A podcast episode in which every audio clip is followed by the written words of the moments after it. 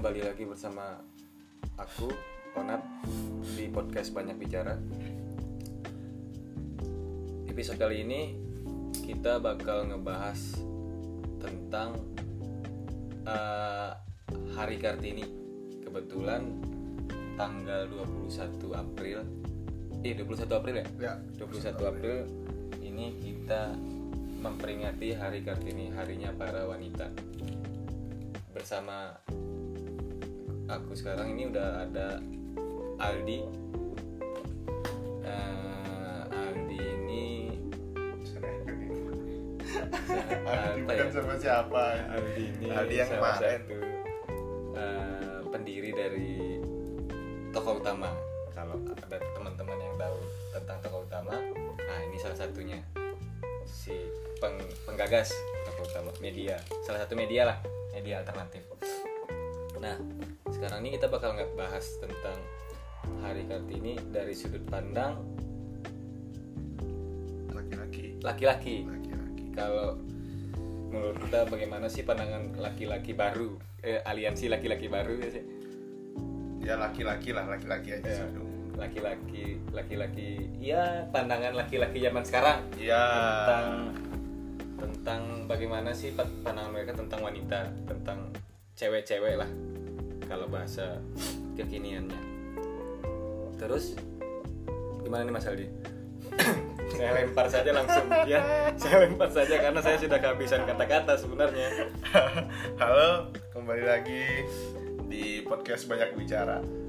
Jadi yang kemarin ya saya masih nemenin Onat dan mungkin sampai beberapa episode ke depan mungkin seterusnya kita bakal berdua sih nemenin iya. teman-teman di sini di podcast banyak bicara nah tadi udah disinggung hmm, di awal kita bakal bahas tentang perempuan eh, terutama karena kita memperingati Hari Kartini pada tanggal 21 April yang jatuh pada hari ini tepatnya minggu ya minggu 20 Ya, April 2019 jadi tapi sudut pandangnya nggak nggak nggak nggak yang gimana gimana ya nggak macam-macam. Kita di sini cowok berdua kebetulan. Iya. Dan kita mau ngebahas sisi kesetaraan mungkin atau memperjuangkan itu dalam rangka Hari Kartini karena kebetulan eh, ibu kita Kartini RA Raden Ajeng Kartini itu adalah pejuang emansipasi kesetaraan antara laki-laki dan perempuan kayak gitu ya. Nah dan kali ini kita akan bahas mengenai man for woman. ah itu dia man for woman gimana sih pandangan kita berdua tentang wanita wanita khususnya Indonesia ya? Ya Wih, Indonesia aja dulu lah nantilah kita pikir. Nanti yang Yang luar bukan urusan kita lah ya. mereka udah ada campaign-campaignnya masing-masing lah. Iya benar. ini kita bahas yang jadi mungkin banyak yang belum tahu sih eh, sejarah singkat sih ya tentang Raden Raden Ajeng Kartini yang lahir di Jepara Hindia Belanda wah Hindia Belanda Iya, masih masih dia Belanda dong. Gitu.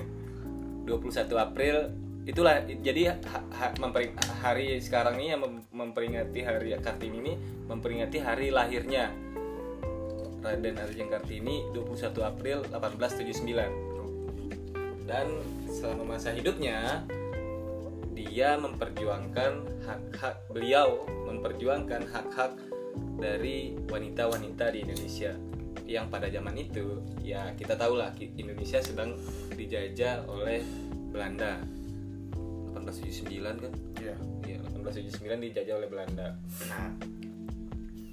Terus beliau meninggal setelah memperjuangkan itu beliau meninggal di Rembang, Hindia Belanda 17 September 1904. Jadi sebelum Indonesia merdeka, Raden Arjang Kartini itu meninggal belum sempat merasakan kemerdekaan untuk seluruh rakyat Indonesia, apalagi untuk wanita ah, perempuan-perempuan Indonesia gitu loh. Dan itu yang berusaha diperjuangkan oleh kaum kaum wanita zaman now di Indonesia. Jadi gimana nih menurut Mas Aldi nih?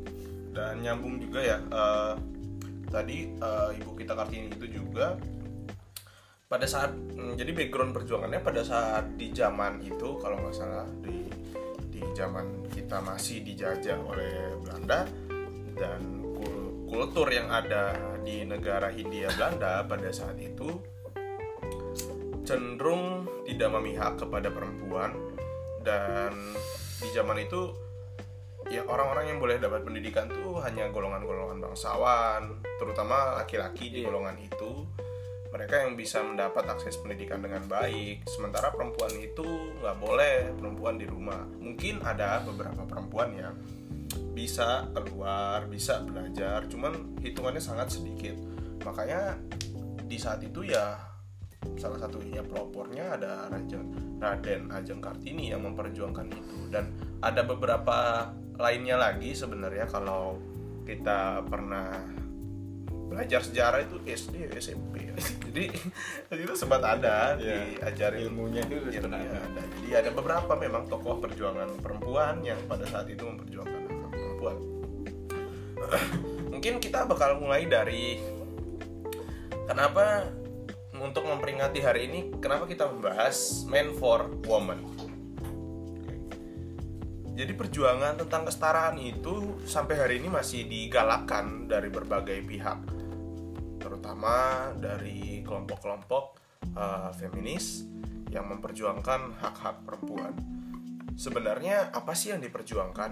Nah ini yang jadi pertanyaan kan. Iya, kok mungkin banyak orang yang di luar sana yang ngomong ya apa sih yang diperjuangkan? Bukannya perempuan begitu harusnya atau begini. Jadi ada salah kaprah juga mengenai perjuangan. eh, perjuangan mengenai gender mengenai kodrat dan segala macamnya. Mungkin bisa saya terangin dulu eh, sedikit ya.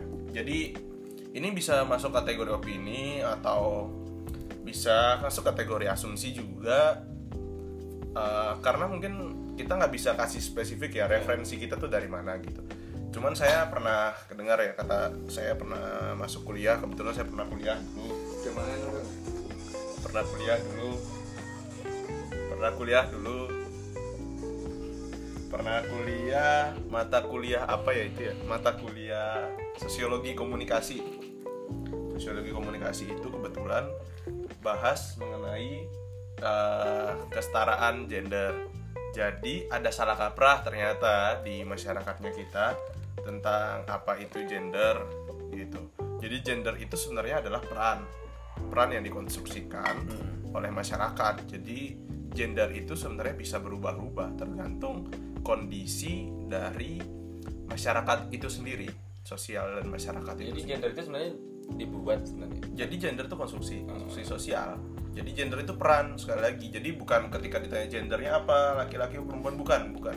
Iya. Bukan itu. Jadi bukan jenis kelamin bukan jenis kelamin jenis kelamin beda lagi kan gitu jadi kalau seks sama gender itu beda seks itu tadi eh, jenis kelamin yang secara fungsional atau fisiologis secara keseluruhan tubuh laki-laki dan perempuan memang berbeda itu yang disebut seks tadi gitu sementara gender itu pengklasifikasiannya atau eh, pengkotomiannya itu dibangun dari konstruksi sosial yang ada di sekitar kita jadi bisa berbeda-beda tuh Iya, di negara iya. Arab bisa kayak gimana ah, di barat bisa kayak gimana, daerah timur bisa kayak gimana, kayak gitu. Itu yang sering salah kaprah orang itu kan. Nah terus bilang-bilang masalah kodrat, ya nggak bisa itu bukan kodrat. Kalau kodrat ya tadi perempuan itu melahirkan itu kodratnya, Iya. kayak gitu. Perempuan menyusui itu kodrat itu itu itu wajib karena memang di, di- diberikan seperti itu dari dari sananya melahirkan, menyusui, mengandung. Laki-laki nggak bisa seperti itu itu baru kodrat alamiah nggak bisa dirubah berarti gender itu kenanya ini berarti berarti campaign-campaign yang secara internasional yang mengatasnamakan gender itu sebenarnya nggak cocok. Maksudnya nggak bisa dipakai secara menyeluruh ke seluruh misalnya ke Indonesia atau kenanya ke Arab dan segala macam itu kan nggak bisa dipakai secara utuh semuanya. Maksudnya campaign-campaign tentang gender dan segala macam itu kan bisa jadi di Indonesia malah nggak begitu Hmm. apa perlakuan atas gendernya. Iya, ya bisa, bisa tergantung tergantung tempatnya. Tergantung lagi lagi karena gender itu sekali lagi adalah konstruksi. Jadi tergantung tempatnya kayak gimana. Tapi kecenderungannya hari-hari ini dominasi eh, antara kelas yang terjadi yang dibangun adalah dominasi tatanan patriarkis. Yang Apa tuh? Nah, tatanan patriarkis itu ada lagi nih, tatanan patriarkis itu di mana secara keseluruhan pertama dari hal yang paling simpel Eh, turunan itu dihitung dari garis keturunan ayah. Iya. yang pertama. Nah. Yang selama ini kita pakai. yang selama ini kita pakai. Nah cenderung ada beberapa negara atau beberapa tempat beberapa daerah yang menggunakan hal itu. Nah semakin semakin peradaban itu berjalan tatanan itu kemudian mendominasi sampai ke lini-lini yang lain gitu. Ke lini-lini yang lain dalam artian oh laki-laki yang kemudian karena itu laki-laki yang lebih utama akhirnya dia punya turunan-turunan seperti itu laki-laki yang lebih utama laki-laki yang boleh begini laki-laki yang boleh begitu perempuan nggak boleh begitu. Akhirnya klasifikasi itu tadi punya turunan-turunannya yang di mana segala hal itu lebih dominan kepada laki-laki kayak gitu Kayak seperti contohnya kalau di dalam keluarga itu pembagian warisan. bagian Bisa- warisan kalau itu memang kan beda aturan agama Oh masing-masing iya, sih itu masuknya ke aturan agama ya. Ah, aturan agama atau aturan hukum negara masing-masing itu bisa berbeda-beda Tapi isu itu yang dibawa juga dalam benar nggak sih kalau itu juga masuk yang mereka bawa ke dalam campaign-campaign gender atau mereka juga nggak pakai isu itu?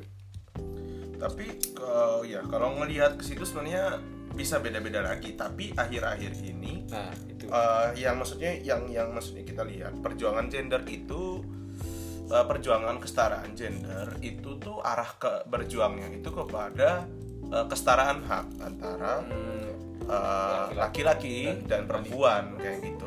Nah, laki-laki dan perempuan.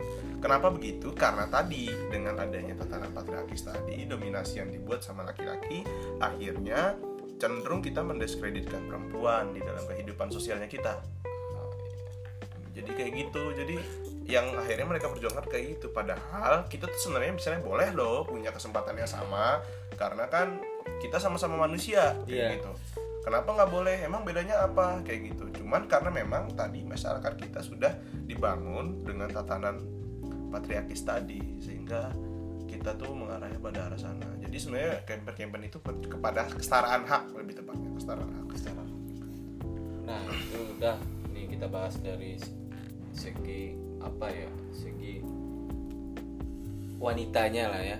Dari segi wanitanya. Jadi gimana sih sebenarnya menjadi seorang laki-laki yang memperlakukan wanita pada zaman ini zaman zaman modern modern ini kita memperlakukan wanita menyetarakan hak mereka. Kita kita mereka bisa teriak-teriak penyetaraan gender lah dan segala macam lah. Tapi kalau dari dari sisi la- la- laki la- prianya lakinya tetap nggak mau nerima atau tetap aja pe- perlakuannya tetap sama ya tet- usaha-usaha itu tetap nggak jalan gitu lah.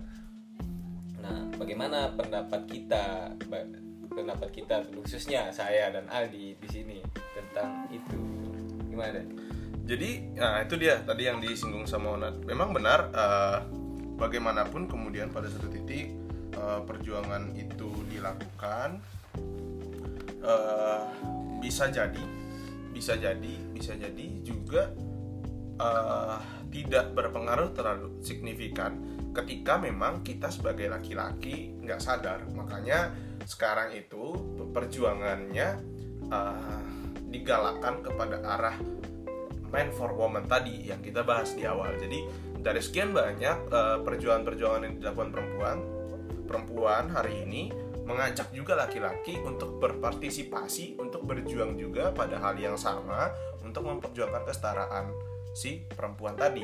Karena tadi kan yang disinggung sama Onat, karena laki-laki lah yang kemudian berada di dalam sistem yang membuat sistem itu lebih dominan dan kemudian berpengaruh di dalam sistem. Kayak gitu kan. Jadi laki-laki yang diajak sedang diajak maka digalakkan gerakan man for woman. Ada beberapa eh, media juga yang salah satunya ada aliansi laki-laki baru yang berusaha menggerakkan itu. Aliansi laki-laki baru mungkin bisa dicek di websitenya. Ada aliansi laki-laki baru jadi memang arah gerakannya ke sana. Sedang mengajak laki-laki untuk berjuang. Nah berjuangnya dalam hal apa nih? Mungkin banyak kayak gitu. Jadi misalnya kayak bagaimana kemudian yang paling simpel caranya kita memperlakukan perempuan. Bahwasanya kita harus melakukan melakukan lagi. Salah salah maksudnya memperlakukan mereka setara ya setara gitu. Setara dalam artian hak ya bukan yang teman-teman ya saya kan tadi eh, habis mikul ini eh, masa kamu enggak katanya seta- kesetaraan ya nggak bisa gitu juga gitu Iya benar. Ya, kalau itu sama siapa pun kita nggak bisa ngelakuin itu Iya. karena memang tenaga manusia itu beda-beda semuanya saya yakin misalnya gini kita berdua nih sama-sama cowok eh, ba- badan Oh. gede gitu ya bisa manggul apa pun kita juga kalah kok sama perempuan yang jadi atlet angkat berat Iya. saya yakin Mereka kalau saya diadu dengan mereka ya, Ya, saya takut Ya, juga. iya Bukan salah ini saya takut juga. Mereka Terus- lebih keras dari kita. Terus kalau misalnya ini wah cowok berantem ya cewek juga berantem lah ya nggak gitu juga karena misalnya ada cowok yang ngomong kayak gitu juga kalau disuruh berantem sama teman saya yang cewek atlet taekwondo, taekwondo nasional juga ya pasti takut Kena tendang sekali kan sama aja rasanya. ya makanya kan jadi toh dan ada contoh-contoh yang seperti itu yang ternyata setara Ya, kok setara bisa sebenarnya. bisa sebenarnya cuman kan memang kalau kita ngomong secara universal sesama semua manusia itu semuanya kemampuannya Iya, beda-beda beda. gitu kan Tuh ada kok cowok-cowok yang bener apa ya? Bukan ini sih lemah gemulai maksudnya bukan lemah gemulai sih cuman dia nggak kasar nggak bisa kasar gitu loh mereka nggak nggak tahan dengan kekerasan gitu loh. Iya banyak kok. Banyak kok gitu. Kita juga Contoh salah kasus. satunya kok. Ya, kita juga salah satunya sebenarnya. Kita nggak bisa kasar ya teman-teman. Nggak bisa kasar sama perempuan. Kita ya kalau dari segi itu kita nggak bisa kasar sama perempuan gitu. Kita juga kalau ada kekerasan lari sesama Iya. laki-laki pun lari ya gitu. gitu karena percuma juga kalau berkelahi kan. Nggak ada untungnya. Kita nggak cinta damai cuman kita nggak bisa berantem. Itu dia yang jadi masalah. Dan, terus apa ya? Sekarang tuh ini apa ya? Nggak jadi gini sih nah kalau menurut kamu gimana sih? Eh, tadi kan kita sempat bahas tuh Nah. tadi menurut sudut pandangku mengenai laki-laki untuk perempuan man for woman tadi gitu untuk hari ini. Kalau menurut kamu sendiri kayak gimana sih gerakan eh, maksudnya man for woman tadi itu gimana? Eh, gerak iya. Jadi ya sebenarnya ya sebenarnya kalau menurutku tuh gerakan man for woman tuh memang harusnya adanya dari dulu sadarnya tuh dari dulu sebenarnya. Karena yang harus bergerak tuh harusnya dua kedua belah sisi kedua belah. Kita bicarain wanita dan pria ya Hmm. perempuan dan laki-laki. Ya selama ini harusnya yang bergerak itu untuk menjalankan fungsi dari kesetaraan itu perempuan dan ini laki-laki. Karena yang terlibat langsung di dalam masalah itu adalah perempuan dan laki-laki. laki-laki kembali lagi ke perempuan dan laki-laki. Jadi ibaratnya contoh ibaratnya ketika tadi Aldi udah sempat cerita misalnya atau aku deh misalnya cewek ada ber, apa contoh ada cowok cewek berpakaian seksi. Ya yang jadi masalah kan bukan kita selalu menyalahkan di sisi wanitanya. Kenapa dia selalu berpakaian seksi? Kenapa nggak kita intro, eh, langsung judge si cowoknya kenapa dia harus berpikiran kotor gitu loh. Ibaratnya ya udah kenapa nggak apa kenapa nggak dari sisi laki-lakinya yang dikontrol pikirannya gitu loh yang lebih sehat gitu loh. Kenapa harus kita salahin si sisi perempuannya? Walaupun sebenarnya sama-sama salah sih sebenarnya gitu loh. Sama-sama ya sebenarnya wanita juga harus berpakaian yang lebih sopan gitu loh. Dan wa- laki-laki juga harus berpikiran yang lebih normal gitu loh. Hmm. Berarti kalau misalnya ada orang-orang yang besok bilang ya salah sendiri pakai baju seksi. Lah berarti ketika kamu ngomong kayak gitu kamu juga harus sadar gitu loh kalau ya ya dia memang pakai baju seksi ya. Ya kamunya jangan jangan ini karena kan cenderung banyak tuh berita-berita yang ngomong mengenai eh, misalnya ada satu kasus gitu ada terjadi kasus pengorsa, pemerkosaan Ah, atau pelecehan seksual terhadap perempuan. Itu Kita langsung- banyak yang komen ya di Ya. sosial media atau langsung langsung wajar lah pakaiannya kayak gitu gimana nggak diperkosa. Lah lah budayanya kan kayak gitu Iya, ya kan apalagi misalnya di media ada ini apa namanya? Ada kasus pemerkosaan tapi diangkat di berita. Dan yang jadi masalah itu langsung yang disorot itu langsung si wanitanya. hmm, Prianya langsung nggak ada, hilang Iya. dari media, nggak ada nggak ada disangkut pautin, malah nggak ada ditanya-tanya segala macam. ya, Jadi peri jadi jadi subjeknya itu objeknya subjek apa objek sih subjek yang, maksudnya jadi pemberitaannya itu langsung si wanita contoh Objek, kasus objeknya. objeknya contoh kasus kayak si eh, artis tuh Vanessa Angel. Ah, Vanessa Angel. Kita nggak tahu siapa cowoknya. Hanya disamarkan namanya di Ah. Padahal ini. lebih banyak cowoknya Ya, daripada ya. makanya gitu. Loh kalau dari sisiku padahal kan kasihan juga kalau dari sisi kita ngelihatnya ya kasihan juga si Vanessa Angel. Setiap hari di expose di TV beritanya ada di segala macam media platform kan ah, ya kita kasihan juga gitu loh. Hmm. dia nggak bisa nutup dirinya sendiri jadinya. Ya. Dan ya itu tadi yang sempat disinggung sama ya kebetulan di sini ada Manyul Manyul. Manyul yang tadi barusan datang. Kemudian tadi dia sempat singgung juga. Nah itu karena pengaruh budaya. Nah budaya yang dimaksud tadi itulah si budaya patriarkis tadi tatanan masyarakat patriarkis tadi. Jadi sorotannya kepada perempuan bukan kepada laki-laki juga kayak gitu loh. Kan harusnya laki-laki yang disorot juga perempuan disorot juga Iya. kayak gitu nah bahkan nah kalau tadi kita masuk ke ranah pemberitaan gitu ya bahkan di dalam komunikasi itu kalau anak-anak komunikasi mungkin pasti tahu gitu. Kita belajar kalau misalnya di sudut pandang media gitu itu ada yang dinamakan sebagai male gaze. Jadi mata kamera itu adalah sudut pandang mata laki-laki. Hmm ya jadi yang perempuan itu diposisikan sebagai objek di dalam mata kamera sehingga apa pun yang muncul di permukaan di media apa pun itu medianya cenderung adalah perempuan di dalamnya yang menjadi objek. Salah satu contohnya itu si Vanessa Angel tadi. Itu kenapa ada gaze juga? Itu karena budaya tatanan patriarkis tadi yang terbentuk. Akhirnya sampai masuk ke dalam pola komunikasi di dalam media juga akhirnya kayak gitu. Kayak kan lebih banyak tuh misalnya kalau kita ngomongin media nih Hmm. lebih banyak acara-acara yang kita lebih tertarik itu kepada acara-acara yang menampilkan perempuan seksi. Iya benar. Itu lebih banyak peminatnya lebih tinggi. Terus misalnya kenapa ada lebih banyak majalah perempuan untuk laki-laki dewasa ketimbang majalah laki-laki untuk perempuan dewasa? Ada Playboy ada FHM ada banyak lah gitu jadi media-media itu banyak untuk media jadi media laki-laki dewasa. Tapi nggak ada media wanita dewasa. Bisa jadi ada tapi sangat sedikit gitu ya bandingannya ya daripada itu. Itu termasuk ke situ gitu. Seandainya kemudian eh, media-media tuh nggak pakai sudut pandang milgis mungkin pem- pemberitaan ataupun entertain itu bisa ditampilkan setara gitu antara laki-laki dan perempuan gitu mungkin ada beberapa ya yang nampilkan kayak gitu. Misalnya kayak film-film rata-rata udah Tapi- bagus kok kayak gitu. bisa disangkut pautin nggak? Soalnya kan aku nih sekarang posisinya lagi seorang barista. Mhm. nah jadi tuh penerimaan penerimaan dari segi coffee shop untuk pekerja barista ini itu dominannya wanita. Karena kenapa? Karena wanita itu bisa upselling kayak sama kayak seperti di media. Mhm. menjual lah. Mhm. karena kita nonton-nonton pasti media ya apa yang artis-artisnya cantik dan segala macam. Begitupun yang terjadi di di coffee shop gitu loh.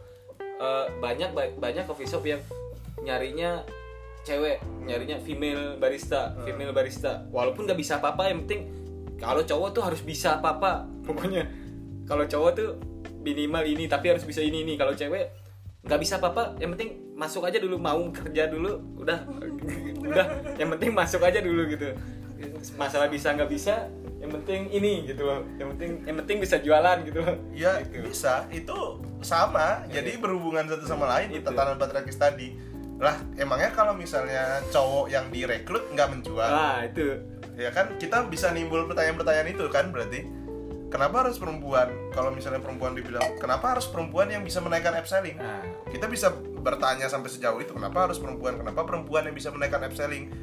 Jadi kan ada ada banyak sebenarnya penelitian mengenai mengenai itu ya eh, terhadap sudut pandang perempuan itu udah banyak kok penelitian. Jadi teman-teman bisa mengakses penelitiannya apa pun itu teman-teman bisa juga lihat di jurnal perempuan mungkin di Magdalen, The Magdalen, aliansi laki-laki baru juga teman-teman bisa ngelihat penelitiannya. Kenapa bisa begitu, kenapa bisa begini. Ya setidaknya kurang lebihnya sudah pernahnya kayak gitu. Jadi akhirnya berhubungan satu sama lain si sistem patriarkis tadi sehingga akhirnya bisa dikatakan merugikan bisa bisa Iya. dikatakan merugikan bisa karena ternyata eh, t- tatanan patriarkis itu juga nggak berlaku nggak adil juga buat laki-laki iya gitu. jadi makanya laki-laki harus juga berjuang untuk itu. Lah kita nih sama kok setara kok sebagai manusia. Mungkin kalau misalnya kita bicara dalam rumah tangga udah itu beda lagi. Itu udah urusan masing-masing udah urusan kesepakatannya masing-masing. Tergantung nanti kultur kultur di mereka kayak gimana budaya mereka atau misalnya agamanya kayak Iya. gimana. Kan agama juga punya aturan masing-masing ya kan? Kita nggak bisa gangguin juga gitu. Nah itu udah beda lagi ranahnya. Itu kita bicara di ranah publik yang kita bicarakan kan kayak gitu kayak gitu sih si ini tuh. Jadi makanya gerakan yang digerak yang sekarang digalakkan itu man for woman tadi. Jadi harusnya gimana sih laki-laki itu eh, bersikap? Kalau Manyol gimana nyol menurut nyol budaya budaya berarti budaya di Indonesia? Semua sumbernya dari budaya. Sumbernya dari budaya. Yap, sumbernya ya nah itu dari dari semua itu hanya merugikan wanita kan Hmm. tadi katanya merugikan Laki. pihak laki-laki juga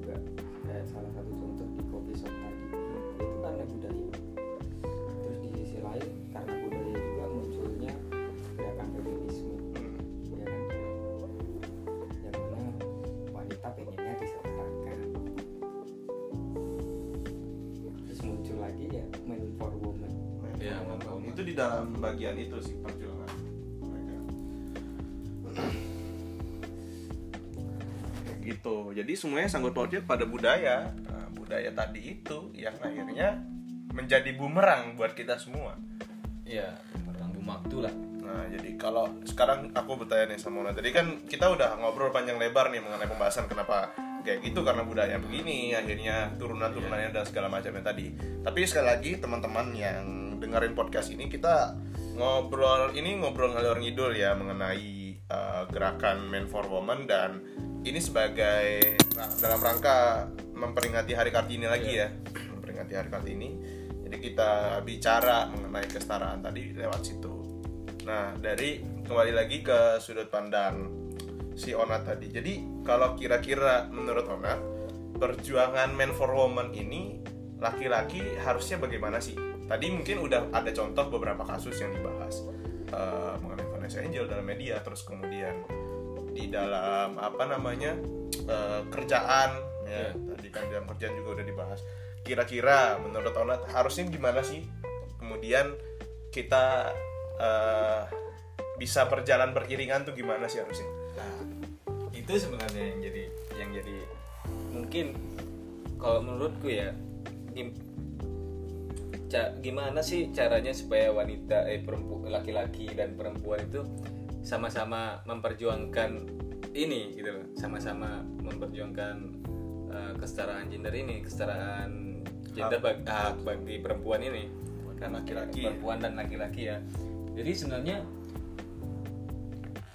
laki-laki juga harus sadar diri harus menurunkan ego mereka. Tentang apa ya sebenarnya yang jadi masalah ini kan budaya budaya kita yang yang apa ya yang tadi kata menurut, menurut Manyo budaya kita yang udah udah seperti ini gitu loh. Yang jadi kata Aldi juga udah jadi bumerang buat kita sendiri gitu loh. Jadi ibaratnya kalau di sisi laki-laki ya udah kita harus menurunkan sedikit ego kita tentang tentang ini. Kita sama-sama berjuang kita sama-sama sama-sama sama-sama menghormati menghormati kita menghormati perempuan. Perempuan pun sama menghormati eh, apa menghargai bagaimana laki-laki. gitu loh. Bagaimana ya bagaimana kita ya kita kita nggak sebenarnya kalau dalam kalau sudut pandangku nggak ada masalah sebenarnya dengan itu. Hmm. Karena menurut menurut ajaran agamaku sendiri Hmm. itu sudah diajarkan bagaimana cara menghormati Manusia, bahkan. ma- ma- Secara bahkan keseluruhan, secara keseluruhan makanya secara secara keseluruhan nggak cuma manusia bahkan makhluk hidup makhluk hidup yang lain kita udah ini maksudnya walaupun aku juga masih masih ya masih nggak terlalu apa, apa ya nggak sempurna sempurna sekali gitu ya nggak ada yang sempurna kali kan Sempurna tapi banget. ya begitu kita kan mengusahakan Iya, juga mengusahakan kalau misalnya habis ada yang dengar podcast ini ngomong alah bacot gitu kan. Nah, terus itu. ngomong kalian juga misalnya bertingkah macam-macam pernah nyakitin perempuan juga ya mungkin Iya. kita minta maaf gitu kalau misalnya misalnya itu pernah kan proses pembelajaran juga. Iya bukan cuman cowok yang nyakitin perempuan lah. Perempuan Banyak. banyak loh yang nyakitin Ya, cowok. kalau di kalau kalau kita bicara itu ya. Heeh. jadi ya udah kita sama-sama nurunin ego sama-sama menghargai kita jalan bareng gitu loh. Bisa. Kenapa nggak bisa? Cewek dan cowok samaan berjalan. Iya. Kenapa harus kenapa? Harusnya pertanyaan itu udah nggak ada di udah nggak ada harusnya udah lunas. Udah lunas sebenarnya. Bukannya di pernikahan itu laki-laki dan per- perempuan berjalan seiringan Nah, itu harusnya seperti itu. Kita yang belum menikah aja udah bisa nerangin itu gitu. Apalagi yang sudah menikah harusnya Eh, kan. tapi kita nggak tahu juga kita belum Belum. pernah merasakan menikah ya. Gitu. Jadi kalau dari segi Mas Aldi nih, kan ini udah sampai 30 menit. Eh, besok ini kan ada acara nih. ya Acara tentang apa sih? Nah besok kebetulan eh, dari kami yang ada di sini besok bakal ada di acara perayaan Hari Kartini juga Nah, yang diadakan oleh Gerkatin Gerakan Kesejahteraan Tuli. Jadi tema besar yang diangkat adalah kesetaraan perempuan dengar dan perempuan tuli. Jadi, nah tadi kita bicara mengenai perempuan dan laki-laki. Nah bahkan di perempuan sendiri itu ada sekat lagi. sekat-sekat lagi Gitu. antara perempuan yang bisa mendengar yang katanya manusia eh, katanya masyarakat umumnya itu bilangnya normal mungkin ya terus sama perempuan yang tuli karena beberapa kita kebetulan pernah pernah garap Iya. acara dan bekerja sama lah. bekerja sama dan kemudian kita akrab sama lingkungan teman-teman yang tuli juga Halo teman-teman tuli, meskipun teman-teman tuli nggak bisa dengar ini, setidaknya kita bisa mensosialisasikan ini, Iya. sosialisasikan ini sama teman-teman yang bisa mendengar. Ada gap juga ternyata di sana, gitu. Bahkan perempuan sesama perempuan. Jadi eh, kompleksitas Iya. dari masalah ini tuh sangat tinggi sebenarnya dan ruwet kalau kita misalnya mau Tarik eh, benang merah. menarik benang merah atau terus kemudian mencoba mm, me- menyelesaikan masalahnya enggak cuman kita berusaha mensosialisasikan Iya. aja sebenarnya kayak gimana besok ada acara tentang itu sih tema dan perayaan hari kartini Kebetulan tuh acaranya di Jogja kan. kebetulan acara di Jogja kayak gitu nah intinya dari sekian banyak obrolan ngadol ngidul kita oleh Onat, Manyul, dan saya sendiri intinya gerakan Man for Woman ini dibuat untuk membawa laki-laki ikut sesama manusia secara keseluruhan oleh teman-teman feminis, oleh teman-teman yang memperjuangkan nilai-nilai kesetaraan untuk ya sama-sama menghargai kesetaraan itu sendiri gitu. Ini sebenarnya permasalahan ini ketika ditarik lagi benang merahnya ke atas, ini permasalahan hak asasi manusia, permasalahan hubungan interpersonal maupun hubungan apa pun itu sesama manusia. Iya, itu nggak terbatas hanya ke gender sebenarnya. Iya. Dan hubungan sama alam tadi yang sempat Iya. disinggung sama Onat sama siapa pun, siapa pun, apa pun makhluk hidup. Bahwasanya kita memang harus saling menghargai gitu. Iya. Bahwasanya ini punya hak ya monggo silakan laksanakan haknya, jangan membatasi hak orang lain, jangan mendiskriminasi, jangan melakukan tindakan-tindakan yang di luar batas. Kan batasnya dari kebebasan kita dalam menjalani hak asasi adalah kebebasan orang, lain, ya. kan?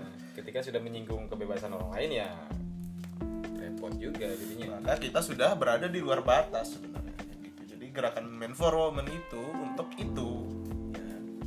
jadi buat teman-teman yang bakal dengerin podcast ini setelah itu dengerin kita mungkin susah juga eh, kemudian ini intinya apa sih mungkin misalnya kayak gitu ya ketika misalnya Iya. Karena kita bener-bener nggak ada teks, nggak ada apa, udah ngomong aja ses- sesuai apa yang ada di otak kita yang sebenarnya banyak kan isi otaknya Aldi sih. ini semua isi otak kita semua Iya. Itu kita i- i- dari segi ini kita berusaha untuk bebas berbicara tanpa menyinggung ke sana dan kena offense ke sana kemari. Jadi kita bicara tentang apa yang kita tahu aja gitu. Kalau ada yang merasa terserang atau ini tersinggung sama omongan kita ya kami mohon maaf dan mungkin bisa kontak-kontak kita Iya, di boleh. nanti ada kontak kita di bawah di deskripsi mungkin bisa kontak kita dan mungkin kita bisa diskusi bagaimana sih kemudian eh, harusnya kayak gimana enaknya kayak gimana Iya. kita bisa diskusi dan kita membuka ruang itu untuk diskusi itu pola belajar sih sebenarnya Iya. ya itu ini bagian dari belajar kita. Kita sharing apa yang kita tahu ntar kita dapat feedback dari orang. Oke kita dapat masukan baru kita dapat pengetahuan baru dari orang orang baru orang teman atau kenalan kita masing-masing. Udah itu doang sih. Dan terakhir, eh, selamat Hari Kartini buat semuanya. Selamat Hari Emansipasi, selamat untuk kesetaraan semuanya. Mari memperjuangkan kesetaraan bersama-sama, entah pada siapa pun, entah pada apa pun, Iya. karena semua orang, semua makhluk yang hidup di bumi berhak punya hak dan wewenang yang bisa dijalankan masing-masing. Jangan mengambil alih hak orang lain, jangan diskriminasi orang lain. Mari berjuang bersama untuk itu dan sampai jumpa di podcast-podcast selanjutnya dari podcast Banyak Bicara. Saya Onat. Saya Aldi dan, Manyul. Uh, terima kasih sudah mendengar. Assalamualaikum warahmatullahi wabarakatuh.